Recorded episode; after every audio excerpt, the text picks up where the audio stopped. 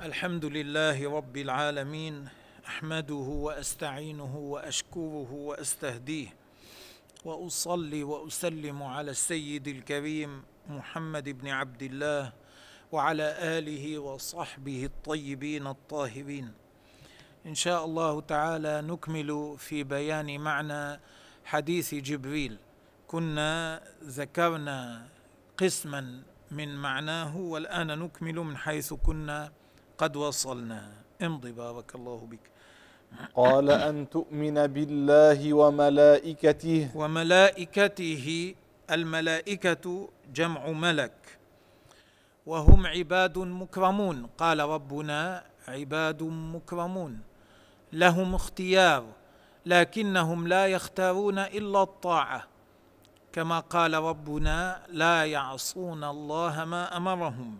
وما وكما قال لا يسبقونه بالقول وهم بأمره يعملون. والملائكة خلقوا من نور أجسامهم نورانية لطيفة لا يأكلون لا يشربون لا ينامون لا يتغوطون ليسوا ذكورا وليسوا إناثا. لا هم ذكور ولا إناث ليس لهم أعضاء الذكورية ولا لهم أعضاء الأنوثة. يقدرون على التشكل بأشكال مختلفة لكن إذا تشكلوا بأشكال ذكور يكونون من غير آلة الذكورية ولا يتشكلون بأشكال إناث البتة كما بين ذلك كتاب ربنا عز وجل. لهم وظائف مختلفة منهم من يأتي بالوحي إلى أنبياء الله تعالى منهم من وكل بالريح منهم من وكل بالمطر منهم من وكل بالزرع منهم من وكل بالجبال منهم من وكل بقبض الأرواح منهم من وكل بالعذاب منهم من وكل بحفظنا بحفظ الناس من أذى الجن لهم وظائف كل واحد منهم له مقام معلوم وقدر مقسوم وهم قد ملأوا السماوات السبع الملائكة السماوات السبع مشحونة بالملائكة وهم أكثر عددا من الإنس والجن وال أكثر عددا من الأشجار ومن ورق الأشجار ومن الرمال كثيرون جدا جدا. خلقهم الله تبارك وتعالى لهم أجنحة. منهم من له جناحان منهم من له ثلاثة منهم من له أربعة منهم من له أكثر ذلك إلى ستمائة جناح. نعم امضي. وكتبه وكتبه أي يجب علينا الإيمان بالكتب التي أنزلها الله تبارك وتعالى على أنبيائه. هذه الكتب بعضها نزل في لوح. بعضها نزل على الرسول.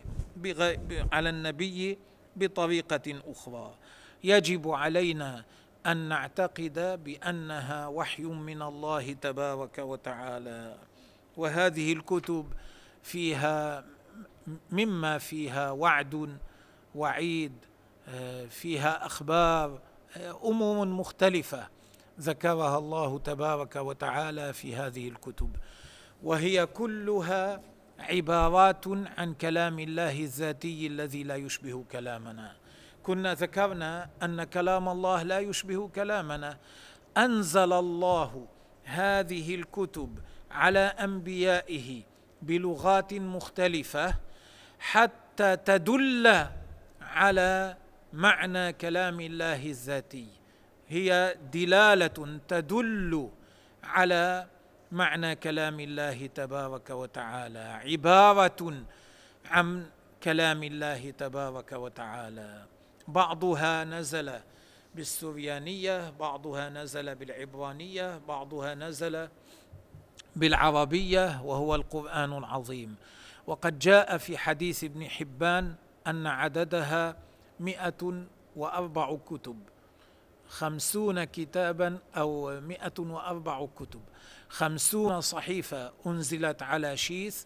ثلاثون أنزلت على إدريس. عشرة على إبراهيم. وعشرة على موسى قبل أن تنزل عليه التوراة. ثم أنزلت التوراة على موسى والزبور على داود والإنجيل على عيسى والقرآن على سيدنا محمد عليه الصلاة والسلام يجب علينا الإيمان بهذه الكتب كلها. نعم امضي. ورسله.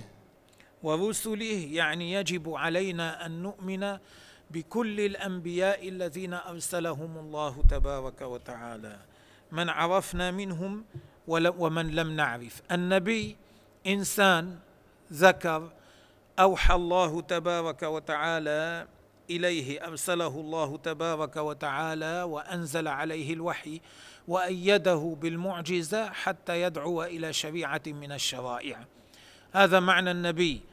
إذا كان أنزل عليه أحكام لم تكن في الشريعة التي قبله فهو نبي رسول إذا دعا إلى الشريعة التي كانت قبله نبي غير رسول إذا أنزل عليه أحكام لم تكن في الشريعة التي قبله حكم أو أكثر بعض الأحكام التي لم تكن في الشريعة التي قبله فهو نبي رسول. جاء في بعض الأحاديث أن عدد الأنبياء مئة وأربعة وعشرون ألف نبي. الرسل منهم ثلاثمائة وبضعة عشر رسولا. هؤلاء الأنبياء كل منهم لا بد أن يكون متصفا بالإيمان ينشأون على الإيمان قبل أن ينزل عليهم الوحي يكونون على الإيمان. لو نشأوا بين قوم كفار ينشأون على الإيمان. فإذا الأنبياء كل منهم لا بد أن يكون متصفا بالإيمان بالصدق آه، بالذكاء كل منهم لا بد أن يكون معصوما من الكفر لا يصدر منه كفر لا قبل النبوة ولا بعدها. معصوما من الكبائر لا يحصل منه كبيرة من الكبائر لا قبل النبوة ولا بعدها. لا بد أن يكون معصوما أيضا من الصغائر التي تدل على خسة يعني التي تدل على دناءة في نفس من يفعلها. قبل النبوة وبعدها. بل كل فعل خسيس ولو كل فعل يسقط الإنسان من أعين الناس الأنبياء معصومون منه ولو لم يكن هذا الفعل ذنبا معصية من المعاصي. الأنبياء يصونهم ربهم عز وجل من ذلك ويحفظهم منه. كذلك لا يصيب النبي من الأنبياء مرض منفر لا يكون في النبي من الأنبياء مرض ينفر الناس من الاقتراب منه والاستماع إليه. لأن الله أرسلهم للدعوة فلا يصيبهم بمرض ينفر الناس منهم. لذلك ما يذكر في حق سيدنا أيوب عليه السلام أنه مرض حتى خرج الدود من جسده. هذا غير صحيح. هذا افتراء على سيدنا أيوب. نعم مرض مرضا شديدا ثمانية عشر عاما لكن لم يخرج الدود من جسده. ما يذكر عن سيدنا إبراهيم بأنه عبد الكوكب والشمس والقمر ثم بعد ذلك عبد الله. هذا غير صحيح.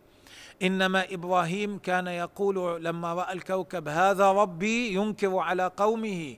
هذا الذي تزعمون أنه ربي؟ من باب الاستفهام الإنكاري ما يذكر عن سيدنا يوسف عليه السلام من أنه أراد أن يزني بامرأة العزيز لولا أن رأى والده عاضا على أصبعه. هذا افتراء على سيدنا يوسف غير صحيح كذب عليه. الله تبارك وتعالى قال لنصرف عنه السوء والفحشاء. إذا صرف الله عنه السوء والفحشاء كيف يفعل مثل هذا الفعل؟ كيف يهم بالزنا؟ هذا كذب. إنما قول الله تعالى ولقد همت به أي أرادت الزنا. وهم بها أي هم بدفعها عنه. لولا أن رأى برهان ربه لولا أن أطلعه الله أنه إذا دفعها تتخذ ذلك حجة لها عند قومها. تقول أراد أن يجبرني على الزنا. إيه، هذا معناه. اذا أنبياء الله تعالى لا يحصل من أحد منهم كفر. لا قبل النبوة ولا بعدها. لا يحصل من أحد منهم كبيرة من الكبائر. لا قبل النبوة ولا بعدها. لا يحصل من أحد منهم صغيرة فيها خسة سفاهة تدل على دناءة في نفس فاعلها. كذلك لا يحصل منهم أي سفاهة أي فعل سفيه. ولا يك ولا يصابون بالأمراض المنفرة. أما الأمراض التي هي ليست منفرة فيصابون بها. تجوز عليهم.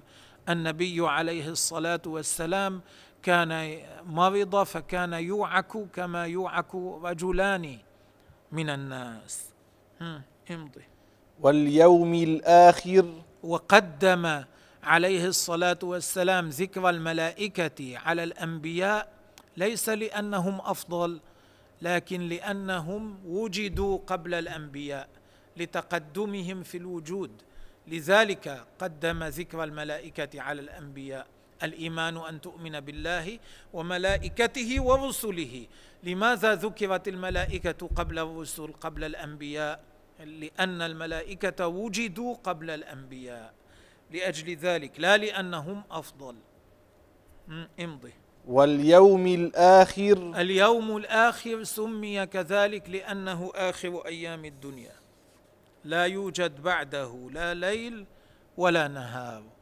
المقصود من ذلك التصديق بأن بيوم القيامة وما اشتمل عليه يوم القيامة من إعادة الأجساد التي كان أكلها التراب وإعادة الأرواح إليها ثم الخروج ثم الخروج من القبور والحشر حشر الناس ومحاسبتهم ووزن الأعمال والصراط والشفاعة ودخول قسم إلى الجنة من الناس وقسم إلى النار وان والإيمان بأن الزمان يستمر بعد ذلك إلى ما لا نهاية له. فيخلد أهل الجنة في الجنة ويخلد أهل النار في النار. المؤمنون العصاة الذين لم يسامحهم الله يعذبون مدة في النار ثم يخرجون منها ويدخلون الجنة. وبعد ذلك كل من في الجنة خالد فيها وكل من في النار خالد فيها إلى ما لا نهاية له وتؤمن بالقدر خيره وشره.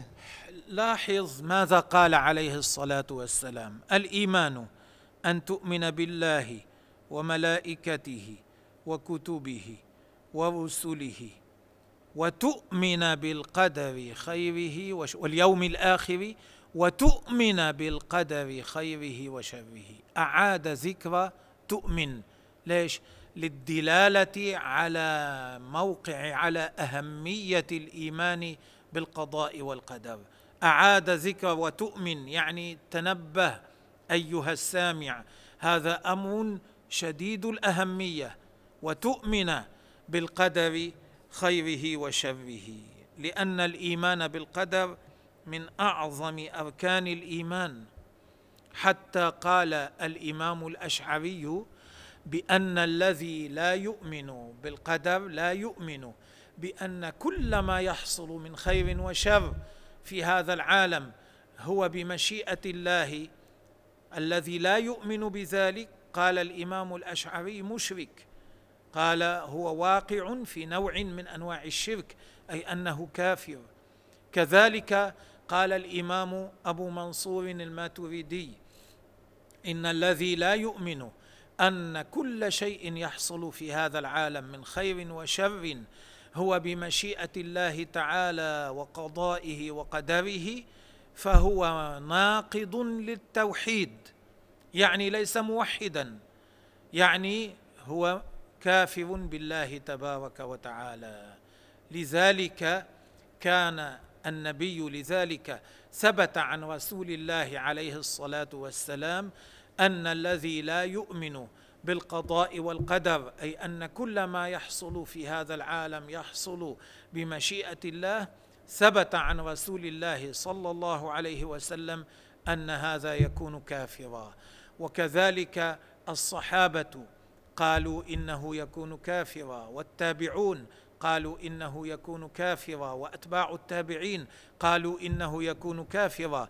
الإمام أبو حنيفة ذكر أن من لا يؤمن بالقدر خيره وشره فهو كافر. من لا يؤمن أن كل ما يحصل في هذا العالم من خير وشر يحصل بمشيئة الله فهو كافر. الإمام مالك قال كافر لا يجوز تزويجه بنات المسلمين. الإمام الشافعي قال كافر خارج من الإسلام. الإمام أحمد قال كافر خارج من الإسلام. لذلك لا يجوز التردد في كفر الذي لا يؤمن بالقضاء والقدر. المقصود أن الإنسان أن يعتقد الإنسان أن الخير يحصل بمشيئة الله وقضائه وقدره وأمره. أما الشر فيحصل بمشيئة الله وقضائه وقدره لكن لم يأمر الله به بل نهى عنه. والخير والشر كلاهما واقعان في هذا العالم بمشيئة الله عز وجل. الخير برضاه الشر لا يرضاه الله تبارك وتعالى. الخير أمر الله به الشر أمر الله تبارك وتعالى بتركه. لكن الأمران يحصلان بمشيئته لأنه لو كان يحصل في هذا العالم شيء واحد غصبا عن مشيئة الله لكان الله تبارك وتعالى مقهورا عاجزا. ولهذا وعلى هذا دلنا قول الله عز وجل وما تشاءون إلا أن يشاء الله رب العالمين.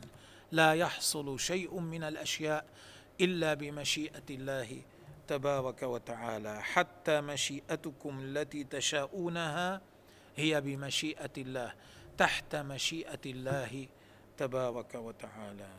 وكما قال عز وجل إنا كل شيء خلقناه بقدر. كل شيء.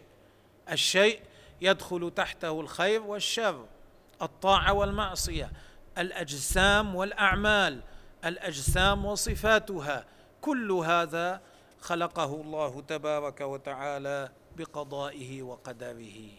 ويدل على ذلك أيضا قول الله عز وجل والله خلقكم وما تعملون الله خلقكم وخلق عملكم. أنتم مخلوقون لله وعملكم مخلوق لله تبارك وتعالى خيرا كان أو شرا. ويدل عليه ما أجمع المسلمون عليه في كل بلاد الدنيا أنهم يقولون ما شاء الله كان وما لم يشأ لم يكن. فالقدر فيجب كما قال النبي عليه الصلاة والسلام أن يؤمن الإنسان بقدر الله تبارك وتعالى أن كل شيء يحصل بمشيئته عز وجل.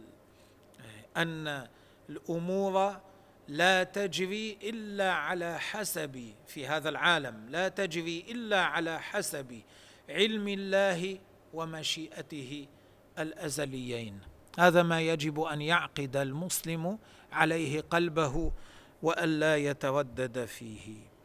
هلا في الحديث وأن تؤمن بالقدر خيره وشره. هذا يحتاج إلى شيء من النظر حتى يشرح على وجهه. الإيمان نقول نحن نؤمن بالقدر خيره وشره. أي نؤمن بتقدير الله للأمور. أي بأن الله يجعل الأمور في هذا العالم على ما هي عليه. فالتقدير صفة لله تعالى. وما كان صفة لله تعالى لا يجوز أن يقال منه خير ومنه شر. لا يجوز أن يقال علم الله منه خير ومنه شر حياة الله منها خير ومنها شر. لا يجوز أن يقال مثل ذلك. إذا ما معنى أن الإيمان بالقدر خيره وشره؟ أي الإيمان بتقدير الله للأمور وأن كل ما يحصل يحصل من خير وشر يحصل بتقدير الله هذا. فاذا أن تؤمن بالقدر أي بالتقدير. خيره هذه الهاء التي في خيره ترجع إلى القدر. لكن ترجع إلى القدر ليس بمعنى التقدير إنما بمعنى المقدور. بمعنى ما يحصل بتقدير الله تعالى. ما يحدث ما يوجد ما يخلق بتقدير الله تبارك وتعالى. فإذا نؤمن بالقدر أي بصفة الله التقدير خيره أي خير المقدور سواء في ذلك الخير من المقدورين من المقدورات والشر من المقدورات. فالهاء في خيره والهاء في شره يرجعان على القدر لكن لا بمعنى التقدير بل بمعنى المقدور. هذا معنى حديث الرسول صلى الله عليه وسلم. هذه الأمور من آمن بالله وبرسوله عليه الصلاة والسلام وكتبه ورسله وملائكته واليوم الآخر وبالقدر خيره وشره. من آمن بهذه الأمور التي ذكرت من آمن بهذه الأمور التي ذكرت فهو مؤمن. إذا جزم بقلبه بذلك سواء كان جزمه ناتجا عن استدلال عقلي أو لم يكن كذلك. حتى لو أن انسانا نشأ في مكان بعيد عن الناس وكان هذا الإنسان ما اختلط بالناس. ما فكر يوما أن يستدل على وجود الخالق عز وجل ثم مر به قوم. هؤلاء القوم كانوا مسلمين مؤمنين طائعين. رأى طريقتهم رأى سمتهم. قال مثل هؤلاء لابد أن يكونوا على حق فآمن بالله ورسوله تقليدا لهم لأن هؤلاء على هذا على هذه الحال لابد أن يكونوا على حق. ما نظر نظرا عقليا ما فكر بالدليل العقلي لكن جزم بقلبه بالإيمان بالله وبرسوله عليه الصلاة والسلام. فإن هذا الشخص يكون مؤمنا. نعم يجب عليه فرض عليه أن يستدل فرض عليه أن يعرف دليلا اجماليا على توحيد الله تبارك وتعالى لكن إذا لم يعرف ذلك فجزم وآمن تقليدا صح إيمانه. هذا ما عليه السلف ومحقق الخلف لا يختلفون في ذلك. قال صدقت. قال صدقت. بعد أن اولا سأله عن الإسلام فأخبره عليه الصلاة والسلام عن الإسلام فقال له صدقت تعجب الصحابة. يسأله كأنه لا يعرف ثم يصدقه كأنه يعرف. ثم سأله عن الإيمان أجاب النبي عليه الصلاة والسلام تعجب الصحابة. يسأله كأنه لا يعرف ثم يصدقه كأنه يعرف. استغربوا حاله. نعم. قال فأخبرني عن الإحسان. أخبرني عن الإحسان. أخبرني عن الشيء الأخص من أفراد الإحسان. أعلى مراتب الإحسان. أخبرني عنها. ما هي أعلى مراتب الإحسان؟ نعم. قال أن تعبد الله كأنك تراه. أن تعبد الله كأنك تراه. ولا يخفى أن العبد إذا كان يرى مولاه بين البشر العبد إذا كان يعمل أمام سيده الذي هو يملكه فإنه يحرص أن يؤدي عمله على الوجه التام الكامل. هذا إذا كان أمام سيده من البشر. فمن عمل كأنه يرى الله عز وجل الذي لا يشبه شيئا من الأشياء الذي هو الخالق القادر على كل شيء. من عمل كأنه يرى الله فحري به أو قمين هذا العبد أن يأتي بالأمور بالطاعات على وجهها الأكمل. أن تعبد الله كأنك تراه. نعم. فإن لم تكن تراه فإنه يراك. إن لم تكن تراه وهذا هو الحال أن أنت لا تراه لا تغفل عن أنه سبحانه وتعالى يراك. لا تغفل عن ذلك. فاعمل عمل الذي يعلم أن مولاه يراه. سبحانه. قال النووي رحمه الله في شرحه لمسلم قال أهم ما يذكر في هذا الحديث بيان الإسلام والإيمان والإحسان ووجوب الإيمان بإثبات قدر الله تبارك وتعالى. وقد اتفق أهل السنة من أشاعرة وماتريدية على أنه لا يصح إسلام بلا إيمان. ولا يصح إيمان بلا إسلام وأنهما كالظهر مع البطن فمن ليس مسلما ليس مؤمنا ومن ليس مؤمنا فليس مسلم فليس مسلما إذا اختل أحدهما اختل الآخر. لا يكون الإنسان مسلما إلا بأن يكون مؤمنا ولا يكون مؤمنا إلا بأن يكون مسلما. الله. ومن صدق بالله ونبيه وكتبه ورسله فإنه يصدق بما أخبروا به ويجتنب أن يكذب ما أتوا به. يجتنب أن يخرج في العقائد في الأصول عما جاء به أنبياء الله ويجتنب أن يكذبهم في فروع الشريعة. لا يكذب ولا يرد ما جاء في القرآن ولا يرد ما جاء به النبي عليه الصلاة والسلام لا في الأصول ولا في الفروع. وقد ذكر العلماء أمورا أجمعوا واتفقوا على أن من يقع فيها فهو كافر. ممن ذكر هذه الأمور ابن جزي أحد فقهاء المالكية المشهورين رحمه الله تعالى. له كتاب معروف يسمى القوانين الفقهية.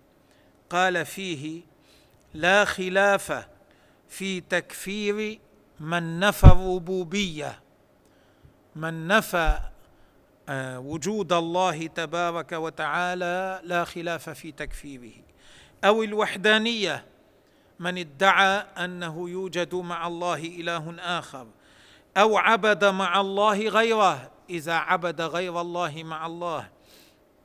تذلل غاية التذلل لغير الله مع الله تعالى. أو كان على دين اليهود أو النصارى أو المجوس أو الصابئين أو قال بالحلول أو قال بأن الله يحل يحل في الأجسام يدخل فيها. أو قال بالتناسخ يعني كما يقول بعض الناس بعدما يموت الإنسان روحه تنتقل إلى إنسان آخر أو تنتقل إلى حيوان آخر يعيش بهذه الروح. أو اعتقد أن الله غير حي نفى عن الله صفة الحياة أو غير عليم أو نفى عنه صفة من صفاته أي من الصفات الثلاث عشرة التي ذكرناها والتي أجمع العلماء على أنه يجب على كل مكلف أن يعرفها.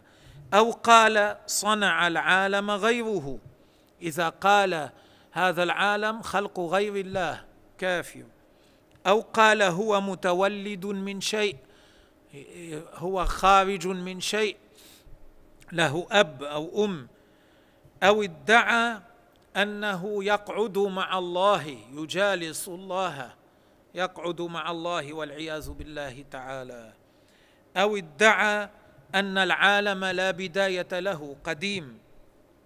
أو شك في شيء من ذلك كله. أو قال بنبوة أحد بعد نبينا محمد صلى الله عليه وسلم. أو قال الأنبياء يجوز عليهم الكذب يجوز الكذب على أنبياء الله يجوز أن يكذبوا فيما يبلغون عن الله عز وجل. أو قال الرسالة خاصة بالعرب لا بغيرهم. أو ادعى في شخص أنه نبئ بعد سيدنا محمد عليه الصلاة والسلام.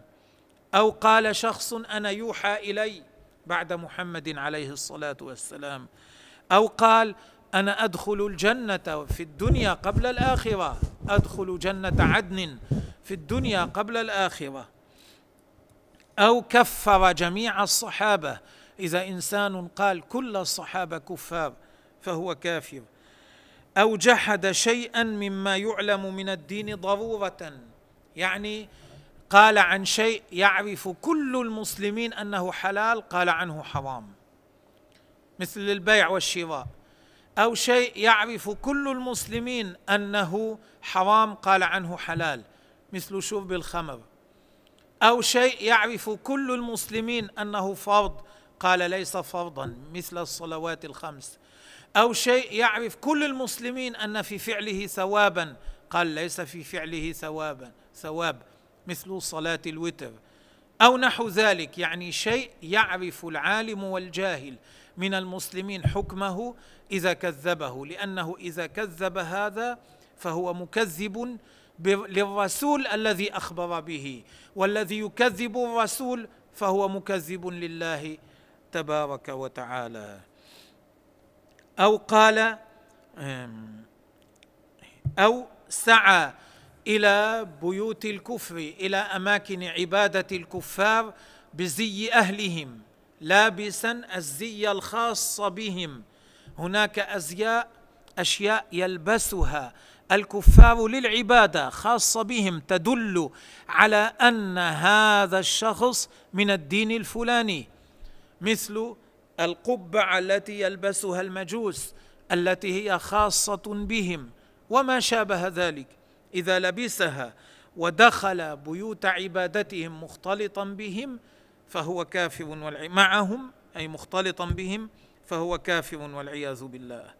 أو قال الولي إذا صار من الأولياء الكبار ما عاد فرضا عليه أن يصلي أو يصوم. أو أنكر حرفا من القرآن وهو يعلم أنه من القرآن. جحده. أو زاد حرفا عنادا يعرف أن هذا الحرف ليس من القرآن. زاد عليه هذا الحرف. مثلا قل هو الله أحد. إذا قال لا ما في قل. هو الله أحد. أو مثلا الحمد لله رب العالمين في الفاتحة. إذا قال لا في واو قبل. والحمد لله. هذا تكذيب للدين والعياذ بالله تبارك وتعالى. أو إذا ادعى أن القرآن ليس بمعجز يستطيع أي كان أن يأتي بمثله. أو قال إن الثواب والعقاب معنويان يعني إذا قال ما في عذاب بالجسد في النار ما في نعيم بالجسد في الجنة. النعيم روحاني فقط كما يقول النصارى. النصارى ينكرون أن يكون النعيم بالجسد والعذاب بالجسد. من قال بمثل ذلك فهو مكذب لمحمد عليه الصلاة والسلام ولا يكون مؤمنا بالله عز وجل. أو قال الأئمة أفضل من الأنبياء إذا زعم أن أحدا من أولياء الله تعالى غير الأنبياء أفضل من نبي من الأنبياء. أي نبي من الأنبياء؟ فهو خارج من الإسلام والعياذ بالله تعالى. يقول ابن جوزي هذه الأمور التي ذكرناها يقول ابن جوزي أجمع المسلمون عليها لا خلاف بينهم فيها فينبغي على الإنسان أن يتجنبها. بقي شيء يجب على الإنسان أن يتجنبها. بقي شيء ما أوضحته على ما أحب وهو أن الذي يدعي أنه يجلس مع الله يجالس الله حقيقة يعني أنه يقعد في يكفر لأنه يدعي أن الله له مكان وهو له مكان وأن مكانه قريب من مكان الله والذي يعتقد أن الله له مكان يكون معتقدا أن الله تعالى جسم له حجم له شكل له هيئة سواء قال مكانه الأرض أو قال مكانه السماء أو قال مكانه العرش أو قال هو متحيز فوق العرش. كيفما قال هذا السقف متحيز فوق رأسي. مخلوق لأن له مكانا حيزا يشغله لأنه جسم. كذلك آه، الواحد من الذين آه، أقابلهم يكونون في الأرض بمقابلتي. كذلك لهم محل لهم مكان هؤلاء أجسام لهم شكل وهيئة وطول وعرض. لا يجوز أن يوصف الله تبارك وتعالى بشيء من ذلك. الذي يعتقد أن الله يشبه الخلق له صورة كما أن الخلق لهم صورة هذا ما عرف الله. لأنه كذب قول الله ليس كمثله شيء. هذا ما آمن بقوله ليس كمثله شيء. سبحانه. ونقف هنا في شرح هذا الحديث نكمله إن شاء الله تعالى بعد ذلك. والله تبارك وتعالى أعلم وأحكم.